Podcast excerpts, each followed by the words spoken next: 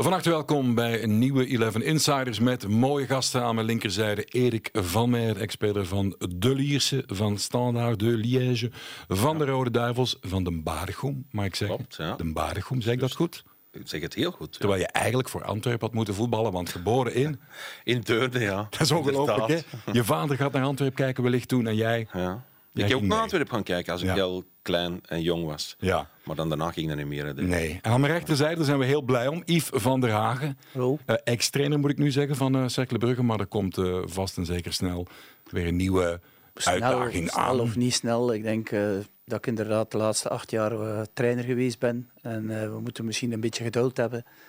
Maar ja, ik denk dat ik dat nog altijd wil verder doen eh, in de toekomst. Ja, de gunfactor is wel heel hoog bij jou. Hè? Dat, dat merk je als Yves eh, ontslagen wordt. Dan heel het land zegt dan iets warm over Yves van der Hagen. Terecht ook, vind ik. Ik vind dat... eh, uiteindelijk eh, heeft het altijd goed gedaan. Hè? En ehm, ik was eh, bijzonder kwaad eh, over de timing. Ik vind dat het vooral vooral ongepast is om na een overwinning tegen KV Ja. Mechelen... om hem te ontslaan. Ehm, maar ja, goed, eh, het voetbal is hard. En dikwijls, in dit geval zeker onterecht.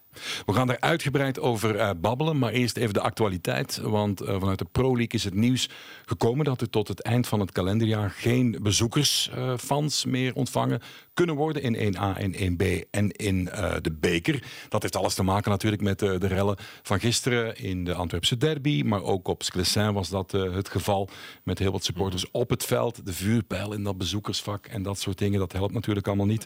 Ehm, open vraag. Wat vinden we daarvan?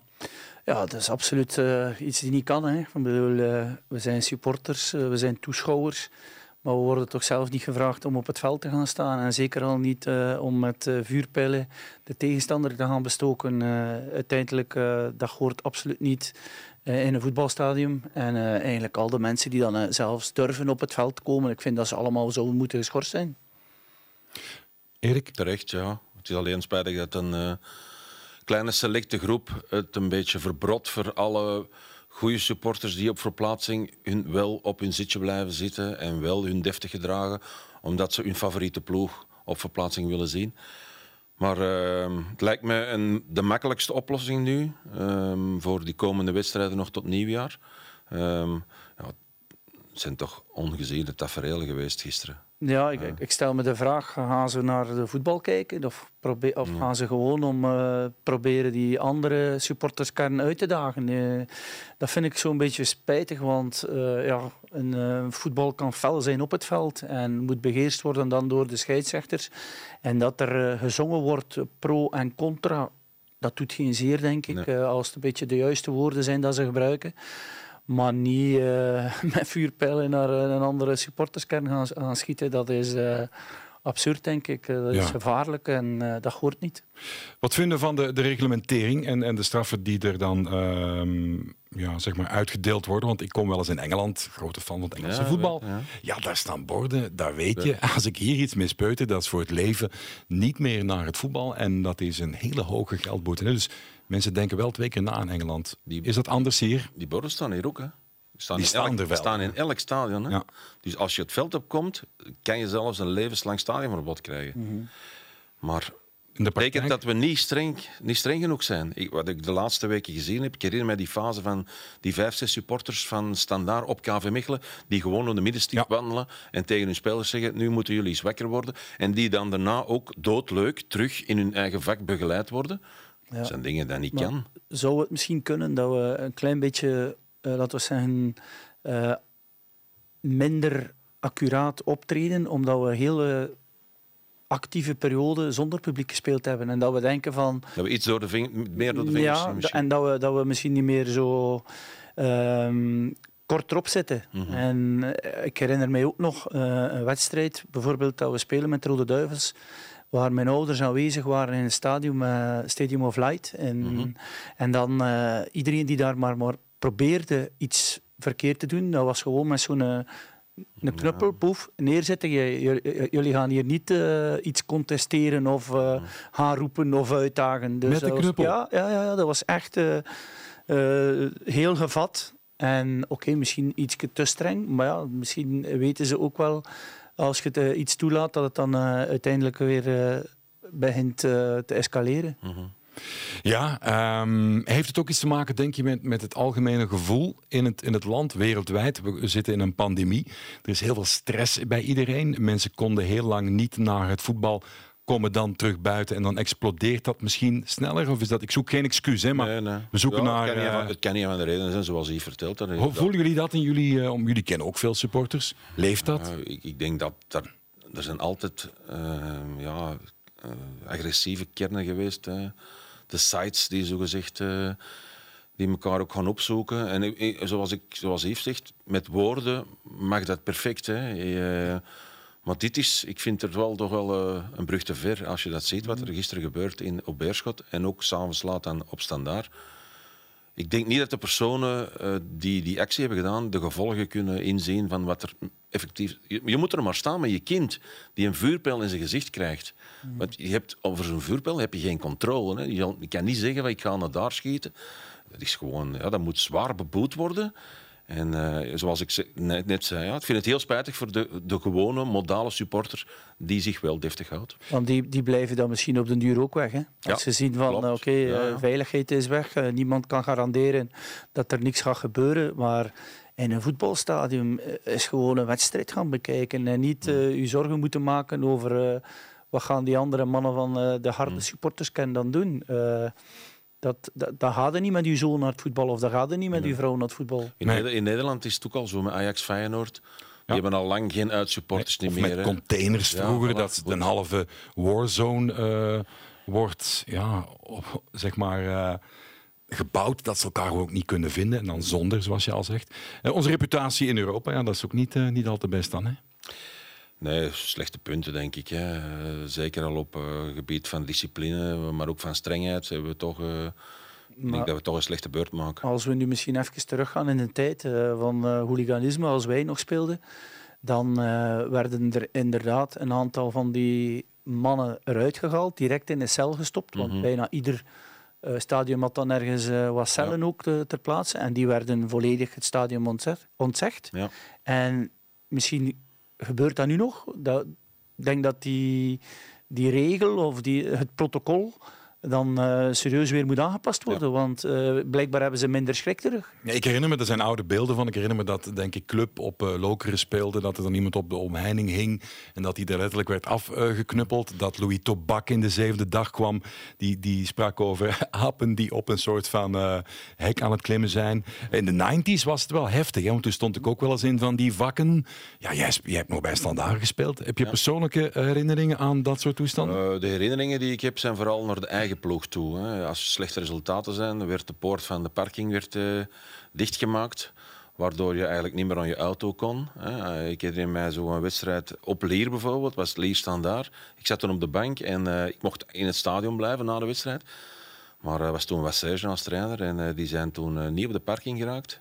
Die hebben dus de slot moeten openknippen. Auto's waren, waren niet gevandaliseerd, maar wel er was wat bloem opgegooid en wat olie en wat vettigheid. Waardoor dat je, ja, er zijn geen plezante momenten, maar ik heb nooit echt eh, schrik gehad voor mijn leven. Ik bedoel, misschien omdat ik ook... Ja, Charleroi is een volkse club, ja, Leersen is een volkse club, Berchem eigenlijk ook. En, en, en Standaard was eigenlijk de laatste twee jaar, ja, zo'n beetje... We spreken wel over 2001, hè, dus dat is twintig jaar geleden.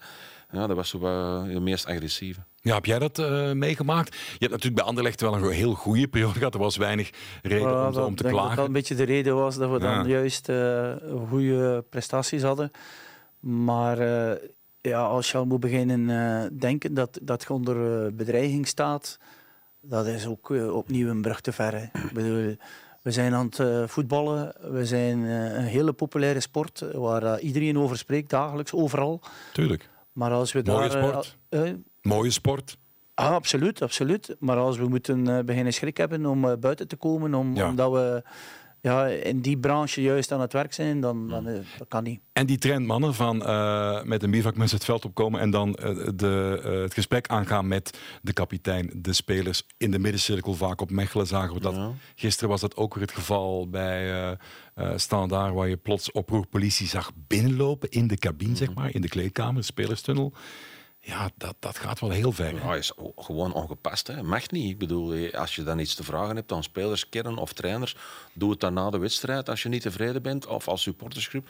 Maar je gaat toch niet op veld laten, lopen. Ik vind natuurlijk ook nu met die maskers, hè, we moeten een mondmasker dragen en je zet een muts op en de helft van je gezicht of driekwart van je gezicht is bedekt. Dus het is, in, dat, in dat geval is het wel makkelijker geworden. Ze zijn niet meer herkenbaar. Maar het is, het maar ze dragen ook geen kleuren meer. Het is allemaal zwart. Ja. Ik bedoel, gisteren waren ze er met een rood-witte muts. Dat zijn dan de ultras. Ja. Maar, uh, de 90s waren dat de kappa-trainings gezet. De casuals ja, achter het doel. En... Ik, ik stel me altijd voor, als ik misschien zelf had speler nu nog geweest, dan zou ik die mannen toch gewoon aanraden van kom maar jongens, ga ik ja. vlucht terug naar waar dat je moet staan en probeer de ploeg positief te supporteren. Mm -hmm. Ik weet dat uh, Standaard misschien wel in het krijt stond van resultaat, maar daar helpt er niemand mee. Hè. Integendeel. En wat levert het op natuurlijk? Want die spelers kunnen niet plots vijf doelpunten uit. Ja, en ook een serieuze geldboete, hè, want uiteindelijk zal die club wel uh, moeten betalen voor de, ja. voor de vuurpijlen of voor het Bengaals vuur. Dus uiteindelijk kost het nog eens extra geld voor de club. Ja, het is, het is het zijn geen goede dingen. Nee, er stonden spelers natuurlijk, trainers ook op te kijken. En dan is het altijd maar moeilijk, want hoe moeten ze reageren? We kennen allemaal de verhalen van bij Lazio, waar dan de, de ultras ja. in nauw contact staan met het bestuur. Partizan, Belgrado, noem het allemaal maar op. Dat zijn, ja, Napoli. Dat zijn gewoon, vaak wordt er um, niks gezegd over het gedrag, omdat ze ook soms niet durven. Um, een van de spelers die zich uh, wel uitsprak gisteren na de wedstrijd was uh, Richie de Laat na de Antwerpse derby. Eens kijken wat hij te zeggen had. Er is een deel dat je kunt zeggen dat hoort erbij, maar ja, dat wat er op het einde gebeurd is voor niks nodig eigenlijk. Het was, het was een heel faire wedstrijd, vond ik, met faire duels. Faire gezangen door elkaar, alles wat je wilt. Uh, dat moet ook tegen een verlies kunnen. Richie is altijd heel uitgesproken en die uh, hart op de tong, die ja. spreekt er zich tenminste over uit. Er zijn heel veel voetballers die dan zeggen, ja, ik kan daar geen mening uh, over hebben. Hebben jullie daar begrip voor, als, uh, als ze zich daarvan weghouden van de thematiek? Ja, ik denk dat ze vooral een beetje schrik hebben om dan misschien zelf in, in de storm te, terecht te komen. Maar Richie is iemand die toch al wat ervaring heeft. Ja. En ja, het, het Antwerps publiek, zeker als ze tegen elkaar spelen, dan is dat zo, sowieso een beetje vechten. Hè. Dat is, uh, maar hij verwoordt het wel goed, vind ik. Een beetje gezangensfeer die toch de wedstrijd maakt ook. Want soms kun een, een tegenstander al een fout maken door een keer de zangkoren of de druk van, uh, van de supporters. Uh, ik denk dat dat overal uh, aanwezig is. mag ook flirten met de grens hè, van, qua, qua gezang. Dat hoort er soms wel bij, die ambiance. Dat hebben we allemaal ja, meegemaakt. Hè? Ik denk dat we ook niet de meest populaire spelers bij de tegenstanders waren vroeger. Nou, maar ik pakte, al die doelpunten als Ja, maar ik pakte er toch wel motivatie uit. Ja. Bedoel, alleen mag het niet te kwetsend worden. Een spandoek voor uh, Nangolan gisteren was er over. De spandoek vroeger, weten we nog, van Dufour op standaard, was er een pak over. Dat zijn dingen die niet horen. Ja. Maar dat je uh, Richie de Laat boer roept of whoever, ja. ik, ik speelt geen rol. Dat kan absoluut geen kwaad. Uh, Edward Stil van uh, Charleroi na de 0-3, die reageerde als volgt de coach. Eerlijk heb ik geen mening over die, uh, over de, over die situatie. Ik kan, ik kan geen mening hebben. Uh, ik ben alleen hier voor het voetbal. Ik wil alleen over voetbal spreken, niks anders. Uh, ik begrijp de sporters van Standaard ook. Uh, niet, dat, is niet dat is niet nodig, het is niet normaal, zeker niet. Maar het is hun club en, en ze willen niet ver verliezen in zo'n manier tegen, tegen ons. Uh, maar ik ben alleen bezig met, met mijn ploeg, met de prestatie van vanavond en, en de 0-3, niks anders. Kijk, dan heb je twee uh, mogelijkheden. Ofwel kan je zeggen, ja, die man moet zich uitspreken, want hij ziet toch ook wat er gebeurt. Anderzijds kan je ook zeggen, ja, jong gast begint uh, aan zijn trainerscarrière. Zijn broer zit op de bank bij de tegenstander. Ja. Um, ook een eerzaak, want wel, wel min of meer wel wat, uh, moet ik het zeggen, liaison met, met Standaard de Liège, zeg maar. Heb je begrip voor dat hij zich, zich ervan distancieert en zegt van, ja, ik wil het hier nu niet over hebben? Ik vind van wel. Ik vind dat hij uh, recht heeft op een mening. Uh, en zijn mening is gewoon om er niks over te zeggen. Dus dan moeten we het ook respecteren. Uh, ik denk dat er niemand zal zeggen, oh, schandalig van standaard, terwijl het eigenlijk bij uw eigen ploeg het ook wel zo is. Hè. Maar het moet gewoon in het algemeen gedaan zijn. En, en nu is het standaard en Beerschot geweest, maar de, de, weken ervoor was het misschien een andere club. Bedoel, het gebeurt overal. Laat ons nu gewoon streng zijn voor iedereen, rechtvaardig. En degenen die iets verkeerd gedaan hebben, worden gestraft, punt aan de lijn. Ik vind het uh, eigenlijk wel begrijp... Be, ik, ik, begrijp zijn reactie. Waarom? Ten eerste, hij heeft 0-3 gewonnen. Ten tweede, hij wil niemand anders nog extra gaan, gaan uh, provoceren. Mhm. Dus uh, voor hem is die wedstrijd gedaan. Ze hebben een fantastische prestatie geleverd. En ja, als hij nog een beetje meer olie op het vuur gaat smijten, dan komt er misschien een titel ergens. Ja, staat het overal. En dan, dan moet hij het nog vier keer gaan uitleggen. Dus uh, hij distancieert hem een beetje van commentaar. alle begrip daarvoor. Maar is het dan het ministerie van Binnenlandse Zaken? Is het dan de Prolik? Wie moet het dan echt aanpakken? Ja, de mensen die de verantwoordelijkheid uh, dragen hè, voor uh, de mensen die moeten beslissen dat inderdaad dat je niet op het veld mag komen. Ik denk dat dat inderdaad wel de pro-league is. Uh, dat zijn inderdaad standpunten die je moet innemen. En mm. als je op, we hebben het net over de Premier League had, zie je daar iemand op veld lopen? Ja, zelden. Ja, goed. Maar dan zie je toch niet meer met Bengaals nee. vuur. En niet als straffe gedaan. Wat verwacht je van de clubs? Uh, vanuit de Pro League is er altijd iemand uh, die alle situaties uh, op de bank, uh, in de tribune. Uh, de match delegate, ja. Ja, voilà. ik vond nog niet juist, juist het ja. woord. Die, die maakt daar een, een, ja, een rapport van. Een rapport van. En dan gaan we waarschijnlijk wie dat er dan daar gaat moeten over oordelen. Dat gaat zeker aan bod komen volgens mij. Want dit kun je niet tolereren natuurlijk. Nee. Uh, Yves, laten we het dan uh, vooral ook over, over jou hebben, over jouw uh, situatie. Is het al een beetje, heb je het al wat laten kunnen bezinken? Dat ontslag bij Jawel, we zijn al een week verder. Ja. En dat moet wel. Hè. Ik denk dat ik sowieso wat tijd had heb al om met de familie door te brengen. En ja, dat je de timing, zoals Erik al aangehaald heeft, is volledig verkeerd. En dat is gebleken niet alleen met reacties van analisten maar eigenlijk van Hans België, die, die, die zegt van oké, dit kan niet. En, nog in het meeste geval van alle cirkelsupporters. Dus en, ja, dat, dat, dat steunt me enorm en dat deed mij enorm deugd. En ik denk dat ze er nog altijd niet over zijn. Want ze zeggen nu ook dat die overwinning nog altijd een deel van mijn werk was.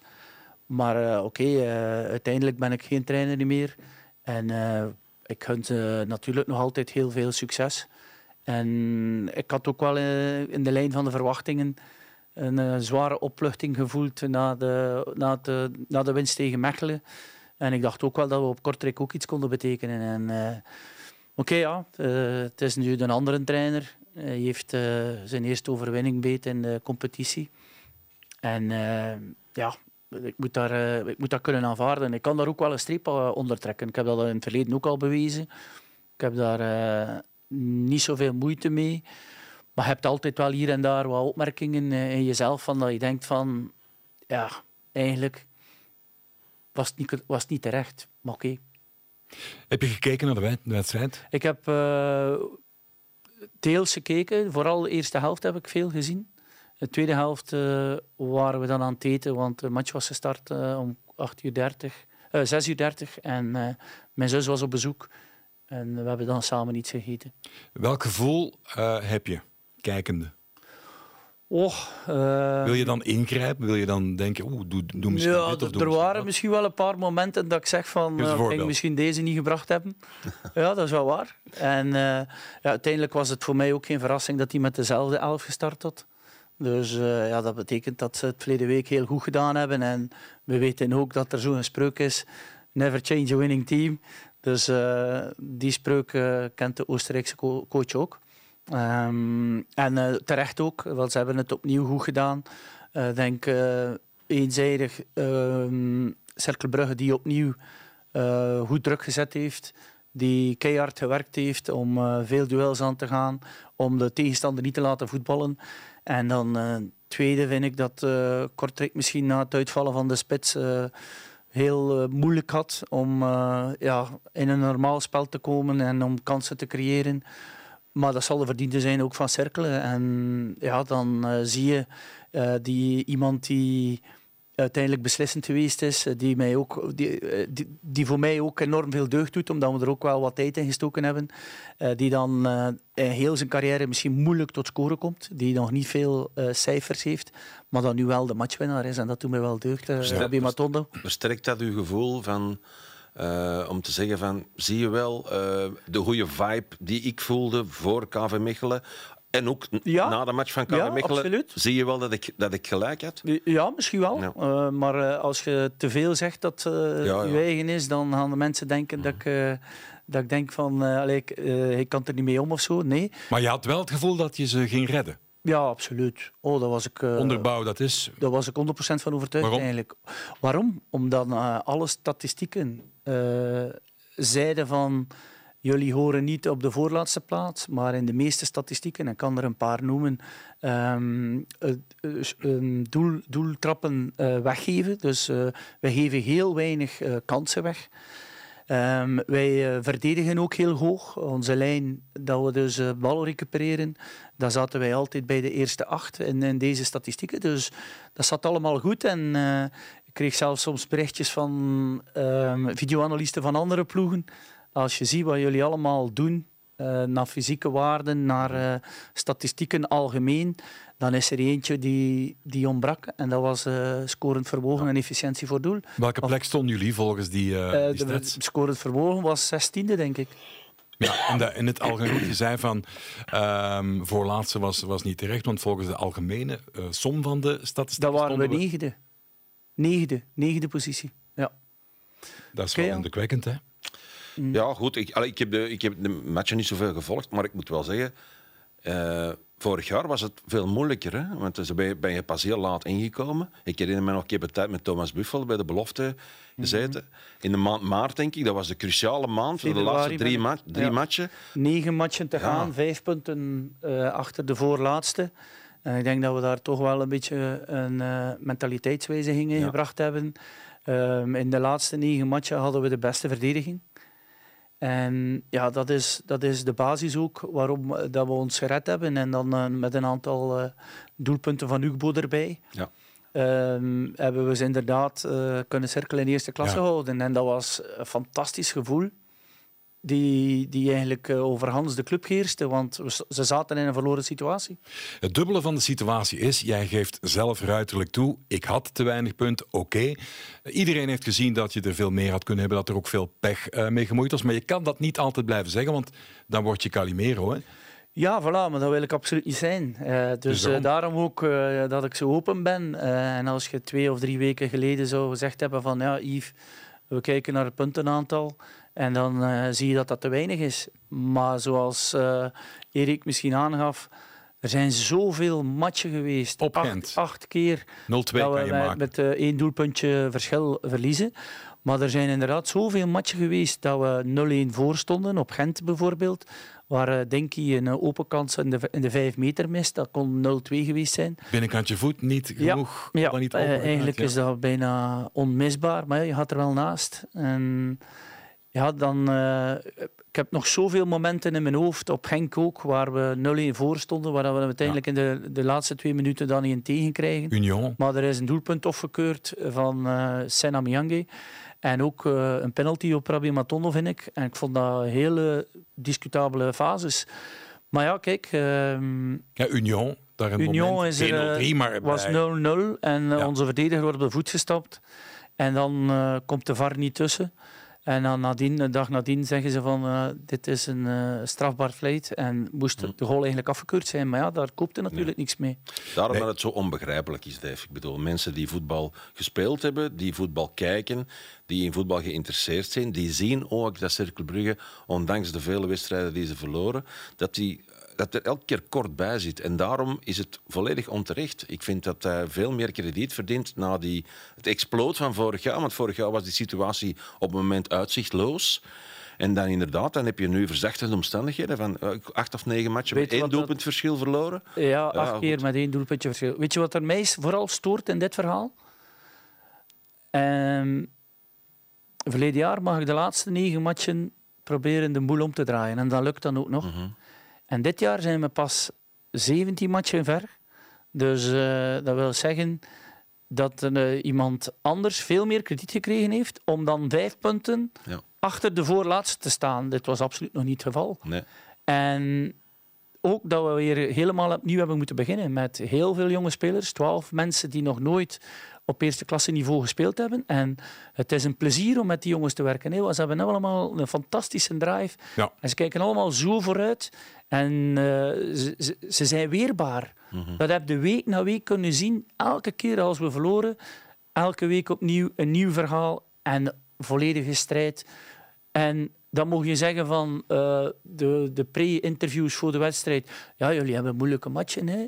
Uh, Oostende, Antwerp, Standaard.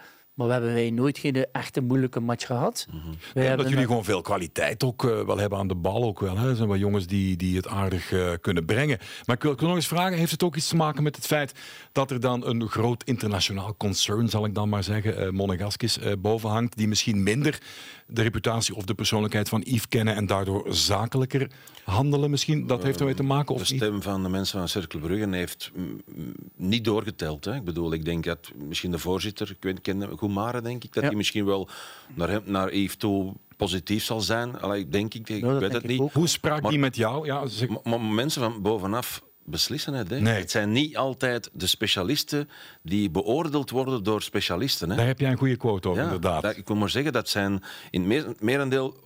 Er zijn sportieve directeurs die specialisten zijn, Ja. maar dikwijls bes, ja, beslissen amateurs over specialisten. En specialisten noem ik de trainers. Ik heb ook nooit het gevoel gehad dat eh Yves het niet in de hand heeft. Die spelersgroep was niet uitgeblust. Want anders kan je niet week na week Nee. eh, een goede prestatie op de, op de wedstrijd leggen. Maar de statistieken natuurlijk, ja, die staan op een blad. En die, ja, we hebben zoveel keer verloren. Ja, oké, dan is het tijd om een trainer te ontslaan. Maar die is totaal niet gepast in dit geval. Dat wil ik wel eens even weten. Die, die timing, eh, ze zeggen dan, en met alle eh, respect, Yves, want ook nog onze oprechte deelneming voor het Ja. verlies van je vader. eh, ze zeggen, ze hebben gewoon het fatsoen een week gewacht. Want ze wilden je niet Ja. bij het grote verlies bruskeren door je dan ook nog eens op straat te zetten. Wel, eh, ik kan het misschien nog even eh na elkaar eh, zetten.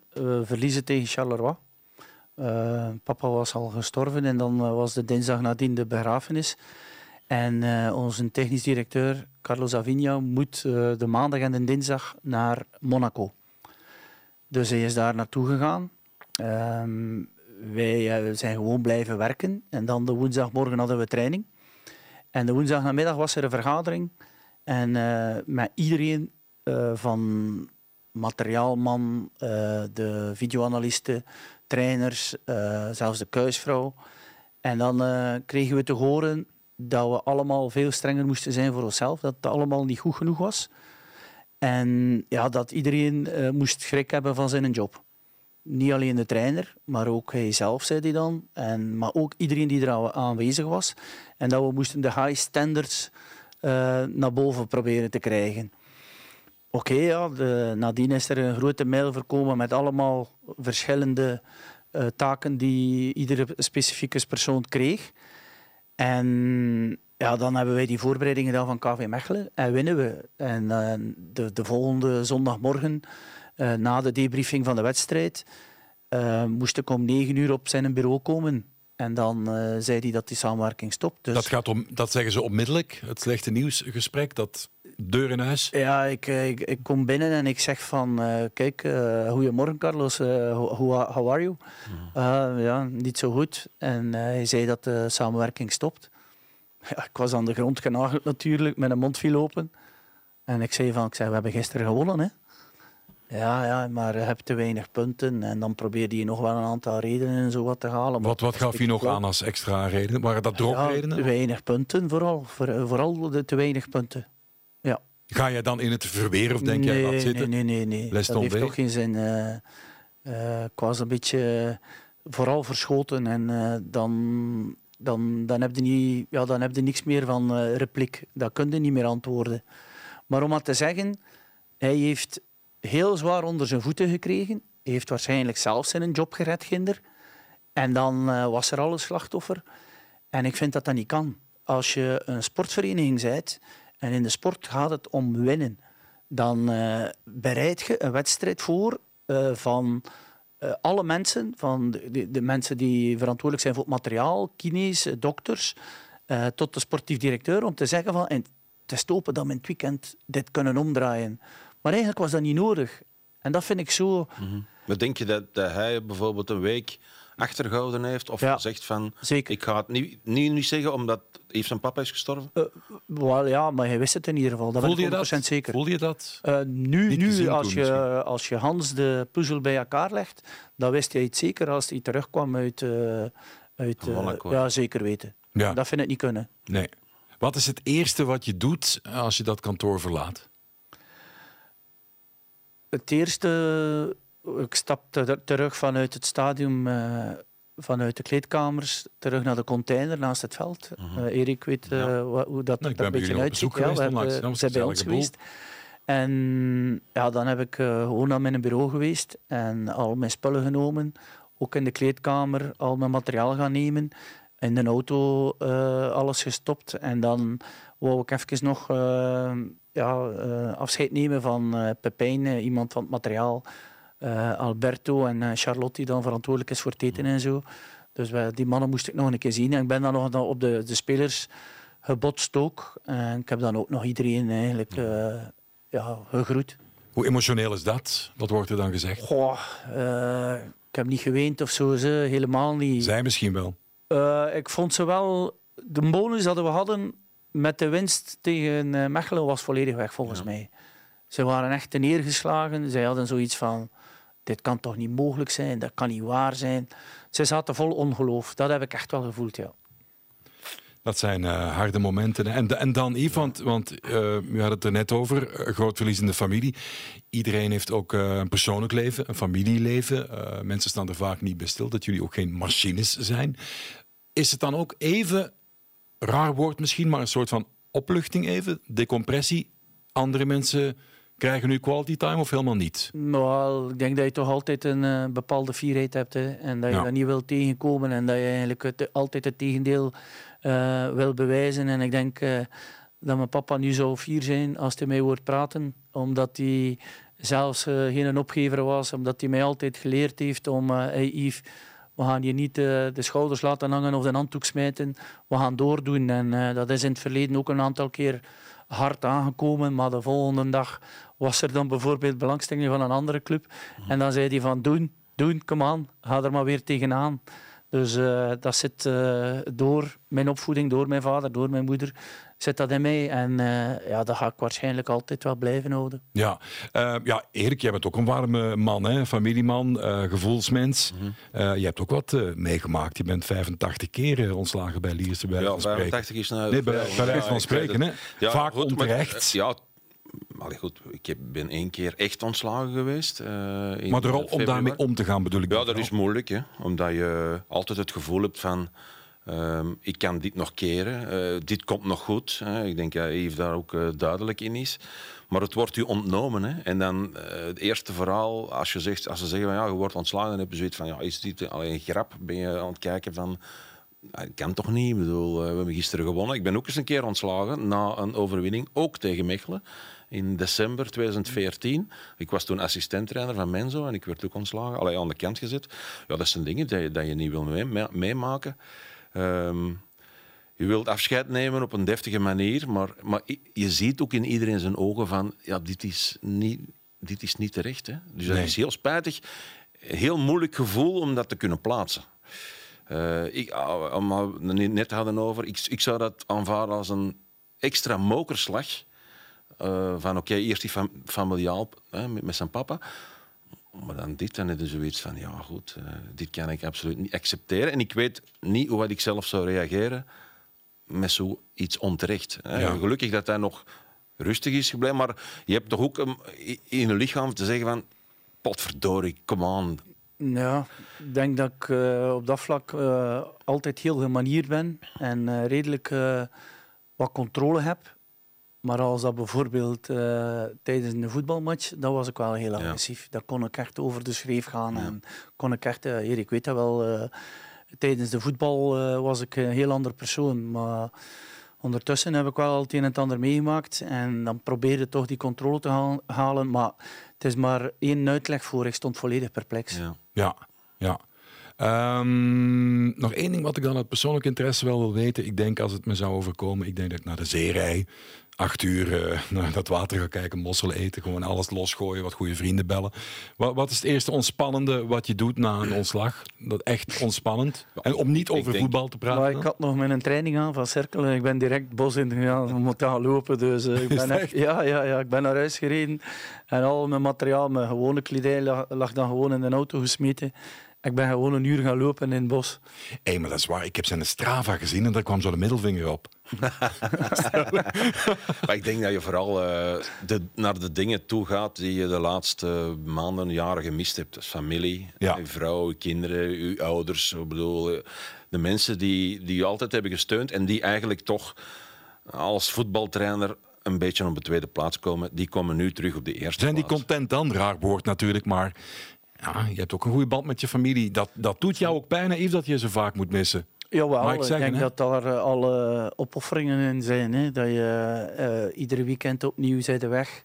Uh, bij Cirkel waren we ook elke keer op afzondering. En ja, dan, dan gaan de, de vrijdagmiddag naar de training. En zien ze u terug de zaterdagavond naar de wedstrijd. En de zondagmorgen zijn ze om zeven uur weer weg. Ja. Dus dan kom je terug om zondagmiddag rond twee uur. En dan begint het weekend, maar dan zijn er weer vier matchen om eventueel er naartoe te kijken. Dus het is een, een, een verhaal van, van 30 jaar eigenlijk. Hè, ja. dat, je, dat, je, elke week uh, bezet bent door het voetbal. Maar ja, bij ons is dat ons een job. Ja, en, zo. Uh, speler zijn was leuker.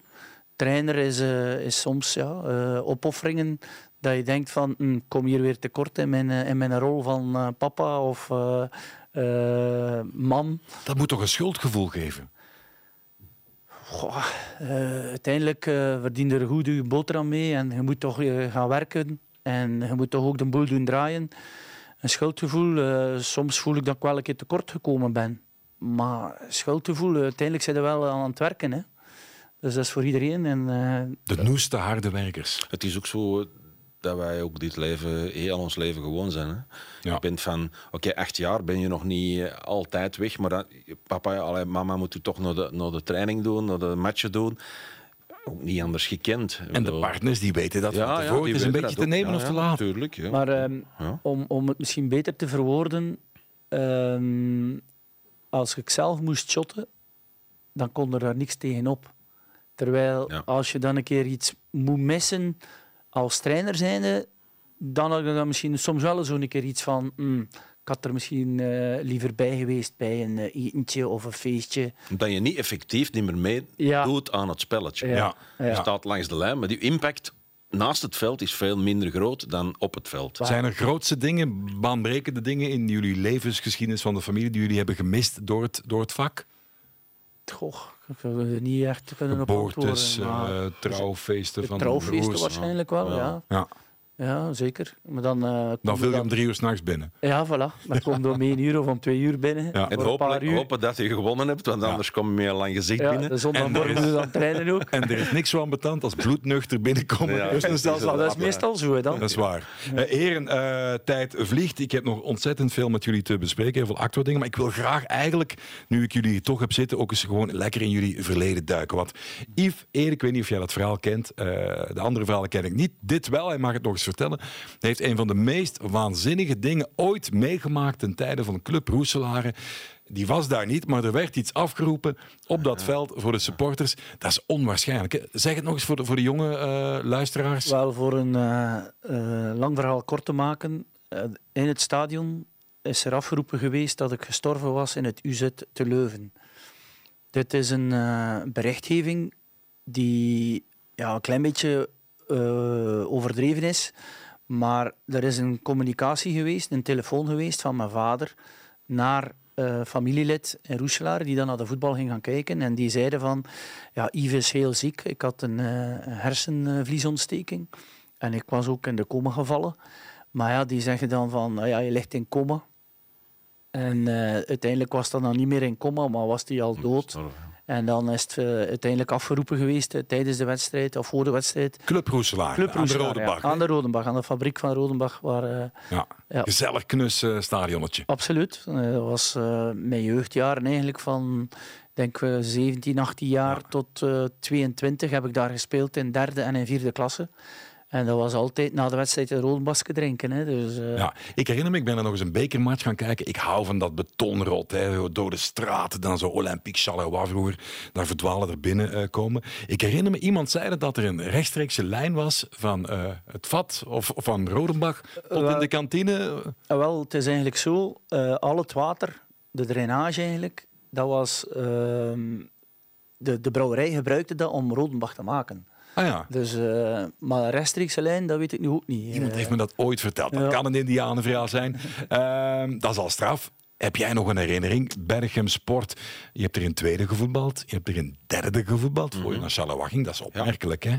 Ja, dat is, dat is, is er nog een, uh, nog een levendig beeld van bijgebleven van een van die wedstrijden? Um, ik moet zeggen dat er niet veel van bijgebleven is. Omdat dat, uh, ja, goed, als je van eerste klasse naar tweede klasse naar derde, ja, dan onthoud je, dat zijn geen goede momenten. Hè? Nee. Maar uh, ik toen geluk dat ik inderdaad in de Waalse reeks stond met namen. En, en uh, Lalovière, Olympique Charleroi, waardoor ik eigenlijk naar Charleroi ben gegaan. Eén ding, staat ja. nog, Stade Leuven. Ja, Stade Leuven, daar heb ik wel een schoon ja. verhaal van. Dus uh, Patrick de Ruiter was eigenlijk de spits van uh, Berchem Sport en die is naar Stade Leuven gegaan. Dus dat was een heel moeilijke transfer voor ons, want Patrick was een van onze beste spelers. En we gingen daar spelen, trouwens de wedstrijd 3-1 verloren. En we hadden toen gezegd van oké, okay, aan welke kant warmt Stade Leuven op? Als je het veld opkomt, ja, aan de rechterkant. Dus wij hadden daar ook al onze potjes gezet. En Stade Leuven komt op het veld en ze zegt ja, maar dit is onze kant van het opwarmen. Ja, nee, wij hebben die kant nu gekozen, omdat we echt wel lastig waren op uh, de mensen van Stade Leuven, dat is Patrick de Ruiter. Dus ze hebben daar 22 spelers op één helft opgewarmd. Geen, geen een van de twee ploegen wilde eigenlijk aan die andere ja. kant. Dus dat was een hele chaos. Uh, een hoop ruzie voor de wedstrijd al. Ik denk dat in Suppli daarna ook nog eens naar Stade Leuven is gegaan. Dus dat, was, dat waren geen plezante dingen. Uh, dat is het meeste wat ik nog me van herinner. Mm. Jij hebt nog gespeeld Yves, ik denk in, wat was het, een vierde klasse tegen Merchtem, hoger op Merchtem. Tegen wie? Je latere ploegmaat? Uh, Gilles de Bilde. Die was 19, denk ik. Jij iets van een pak 21, 20. Ja, inderdaad. Ja. Wat staat je er nog van bij? Misschien niet Jawel, specifiek, uh, maar... Er was iemand die er toch wel een beetje uh, bovenuit, sta, bovenuit stak. Toen al? En, ja, maar ik was me niet direct bewust toen we dan samen speelden in Aalst, dat dat effectief over die, ja, okay. die persoon dan ging. Dus, uh, maar nadien heb ik dat dan wel geweten, dat hij bij Merchtem dan uh, speelde. Maar ja, hij, hij had toen al uh, zo van die momenten dat je dacht van, hij, hij gaat hier iets toveren. Hè. Hij was een heel onvoorspelbare speler. En ja, op, op dat niveau uh, ja, stak hij er zeker bovenuit. Ja, ik ga eens even in jullie brein uh, roeren met een stokje en kijken of dat nog allemaal goed zit, die grijze cellen. Yves, uh, Jij hebt een, een heel ja, vreemd debuut gemaakt in eerste klasse, omdat je dan jarenlang weg bent en terugkomt.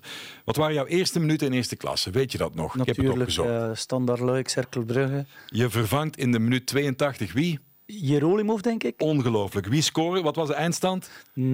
Ongelooflijk. Wie scoorde er? Ik denk Poorteman. Rudy Poorteman. Jerolimov ook, denk ik, met ja. een vrije trap. Ja. En misschien eerste? Sanders, maar ik ben niet zeker. Paul, de broer van... Was dat broer van Koen? Uh, jawel. Denk ik in die denk tijd. Van club toen. Ja. Ja. Mechelen ook, hè, natuurlijk. Uh, jouw debuut in eerste klasse, Erik? Help me eens een beetje. Echt niet. Uh, nee. Dat was met de Baargoem, met ja. Berchem Sport, tegen Beveren 0-0. Uh, ja, een, een, een, een dat is zich al goed.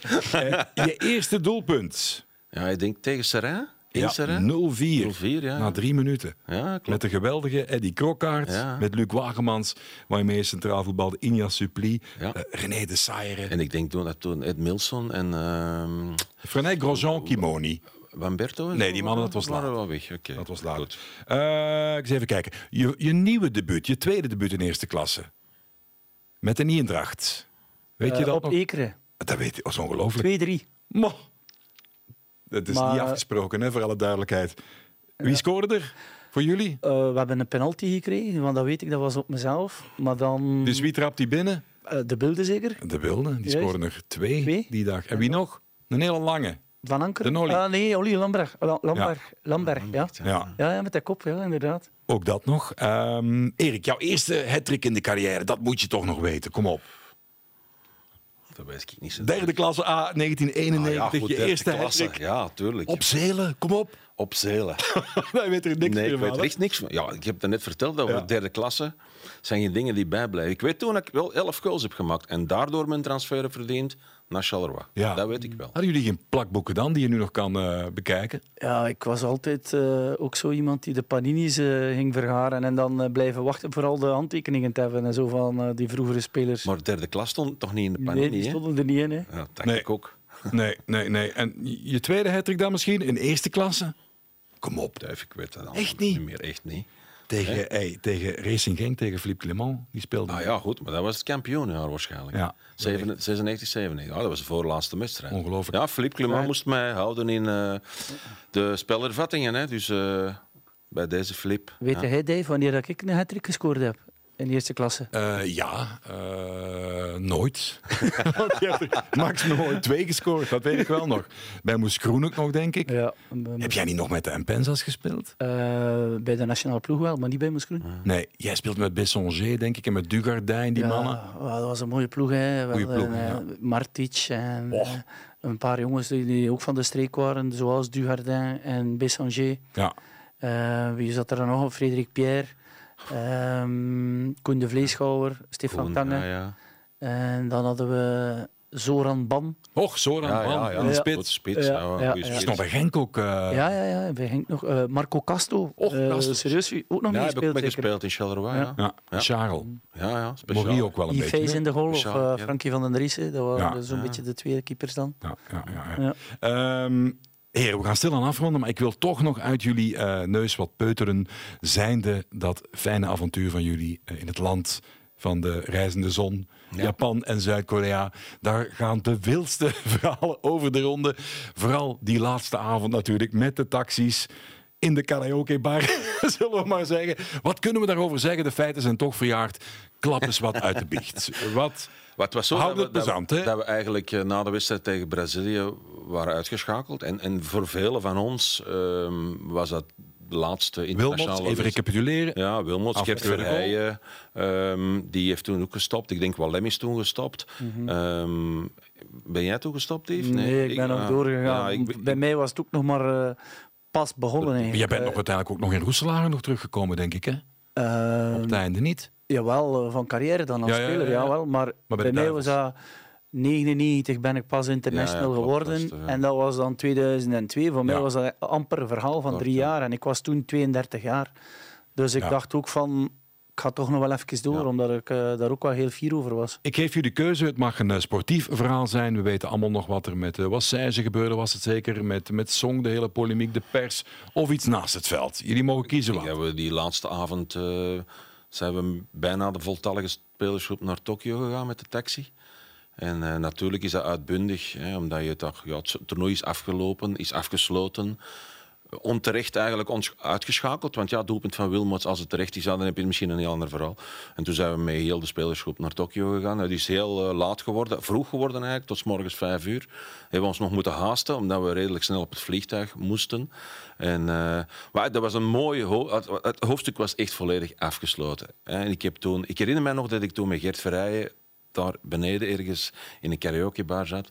En ik, ik haatte Gert op het veld als tegenstander. Hè.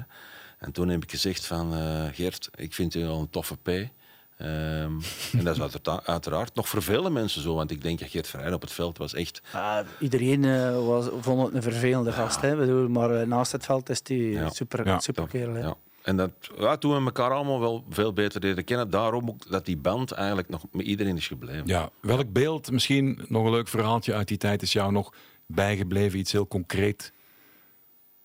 Goh. Was je erbij met, bij die avond? Nee, ik, ik heb niet kunnen meegaan. Ik was uh, zodanig ontgoocheld. En uh, ik denk dat Erik ook wel weet dat ik er altijd Nee. bij was. Of dat Ja. ik altijd uh, zin had in, eh, in plezier of eh, samen iets drinken of zo. Maar ik was zo ontgoocheld in de uitschakeling. Ik ben op mijn kamer gebleven. Ja, ik weet wel nog dat Jackie Peters vertelde me dat, dat ze terug moesten vliegen. Ja, bijna niet geslapen natuurlijk. En dat hij op de vlucht naast Jackie Munayon zat. En Jackie Peters was boven het theewater nog, de kater natuurlijk. En Jackie Marot bestelt een gin tonic naast hem. En van de geur alleen al Ja. Ja. Maar we zaten eh, van boven in het vliegtuig. Er waren zo twee... Ah, het was een dubbeldekker. Ja, ja, het was zo'n dubbeldekker inderdaad.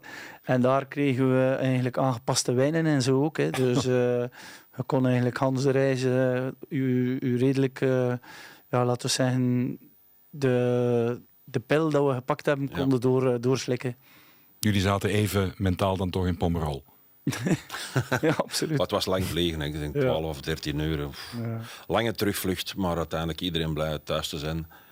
En een Eh, mooie alleen- ontvangst, hè? Ja, heel mooi ontvangst, hè, wel, tuurlijk, dat wel. Ja. Oh, oh eh, helemaal afrond. Ik denk hier nog aan iets. Jou vergeten vragen. Eh, ik had het opgeschreven. De heer Michael Verschuren die heeft ergens nog gealludeerd op eh, zo'n man als Yves van der Hagen met zijn verleden bij de club. Die kunnen ze bij Anderlecht altijd gebruiken. Dat heb je ook wellicht gelezen. Speelt dat? Eh, nee, momenteel eh, is er daar niks van waar. Maar bedoel, eh, dat, ja, dat zou wel mooi zijn natuurlijk. Hè. Eh, ik denk, eh, ik had het zelf niet gelezen, maar het heeft het mij wel iemand doorgestuurd. Ja. Ehm, Echt willen doen als assistent-trainer, eh, toch? Ja. waarom niet, ja. Ja. Klik met compagnie. Ja, wij hebben eh, samen gespeeld. Eh, hij was, eh, heeft was die band? Gemaakt. Ja, goed. Goed. Eh, Ik denk eh, dat Vincent sowieso al eh, persoonlijkheid had vanaf de eerste minuut dat hij bij ons binnenkwam. En ja, talent druipte eraf. En dan weet je ook wel welke carrière dat hij bij elkaar gespeeld heeft. En ja, nu bij Anderlecht. eh ze hebben dan toch gewonnen dit weekend. Ze staan weer een beetje in de positie waar ze willen staan. Maar ze hebben een hele jonge ploeg en dat, is een werk van lange adem. Hè. Dus als ze bellen, dan zegt Yves van der Hagen, ik kom. Het maakt niet uit in welke Dat functie. weet ik niet. Eh, Ze hebben al eh, twee keer gevraagd om hulptrainer te zijn. Maar dan ja, is er eh, iets anders op mijn pad gekomen waar ik dan hoofdtrainer kon zijn. Ja. Maar ik zeg niet direct nee tegen een, een, een job als hulpcoach. Zeker Ik zou, niet. niet, ik zou tegen Anderlecht zeggen, niet te lang wachten, want volgende week kan hij ergens anders dan pakt. Ja, maar zo was het de vorige keer ook. Maar eh, ex-speler van, van Anderlecht, eh, enorm veel ervaring, weet hoe hij hoofdcoach moet zijn. Als je er een goede planning maakt, dan denk ik dat dat een perfecte match is. Zullen wij dan het contract voor je onderhandelen, Yves? Waarom niet? Goed, Yves? Daar Erik? probleem goed, Je ja. bent een harde onderhandelaar, of niet? al eens bellen. ze. Goed, eh, dankjewel Yves van der Hagen. Heel eh, content dat je tijd voor ons had. Erik van Meijer, Ja. always a pleasure natuurlijk. Hè. Eh, Oeh, ik moet nog iets vermelden, want onze Ultimate Shirts, .11sports.be, dat ga ik nog snel even laten zien. Ik duik even weg. Kijk, mooie actie. We hebben een heleboel eh, retro shirts, die worden helemaal gereconstrueerd. Die kan je op die site allemaal gaan bekijken. Dan kan je stemmen. Je kan er wellicht ook wel wat winnen. Eh, laat, ze maar, laat jij er ook maar eens een paar zien. Heb je nog mee gespeeld. Eve, denk ik? Die gaan we even Eh, laten nee, zien. dat is de, voor mij. Oké. Kijk, dit is echt football culture. Kijk eens aan. Laat het maar allemaal zien. Portillo, Club Brugge. Saint-Tron. We hebben hier ook nog eh, een oude KRC Genk. Kijk, Ja. mooi is dat. Laat nog maar eens eentje zien. Antwerp. Ja, daar heeft acht. Patje Boem Boem. Ja, ja. Patje naar 9 zeker. Voilà, Patje Boem Boem. Ja. Oké, ja. Ja, Voor degenen die enkel klank hebben, die moet ik toch even verwijzen naar de uitzending op eh, 11 Sports of op YouTube. Dan kan je op het einde van deze geweldige podcast eh, meegenieten van al die mooie kleuren. Kijk eens naar deze. Cercle de Bruges. De eerste Vlaamse club die kampioen werd in de nationale reeks in 1911. Of elf. Laten we daarmee afronden. Twee keer kampioen geweest, denk ik. Kijk eens aan. Ik heb die boek gelezen nog onlangs. Voilà. Ja. Onze tijd is eh, helemaal op. Eh, graag tot een eh, volgende keer. Dit was 11 Insiders. Je kan het overal herbeluisteren, herbekijken op de gekende kanalen. Bye bye.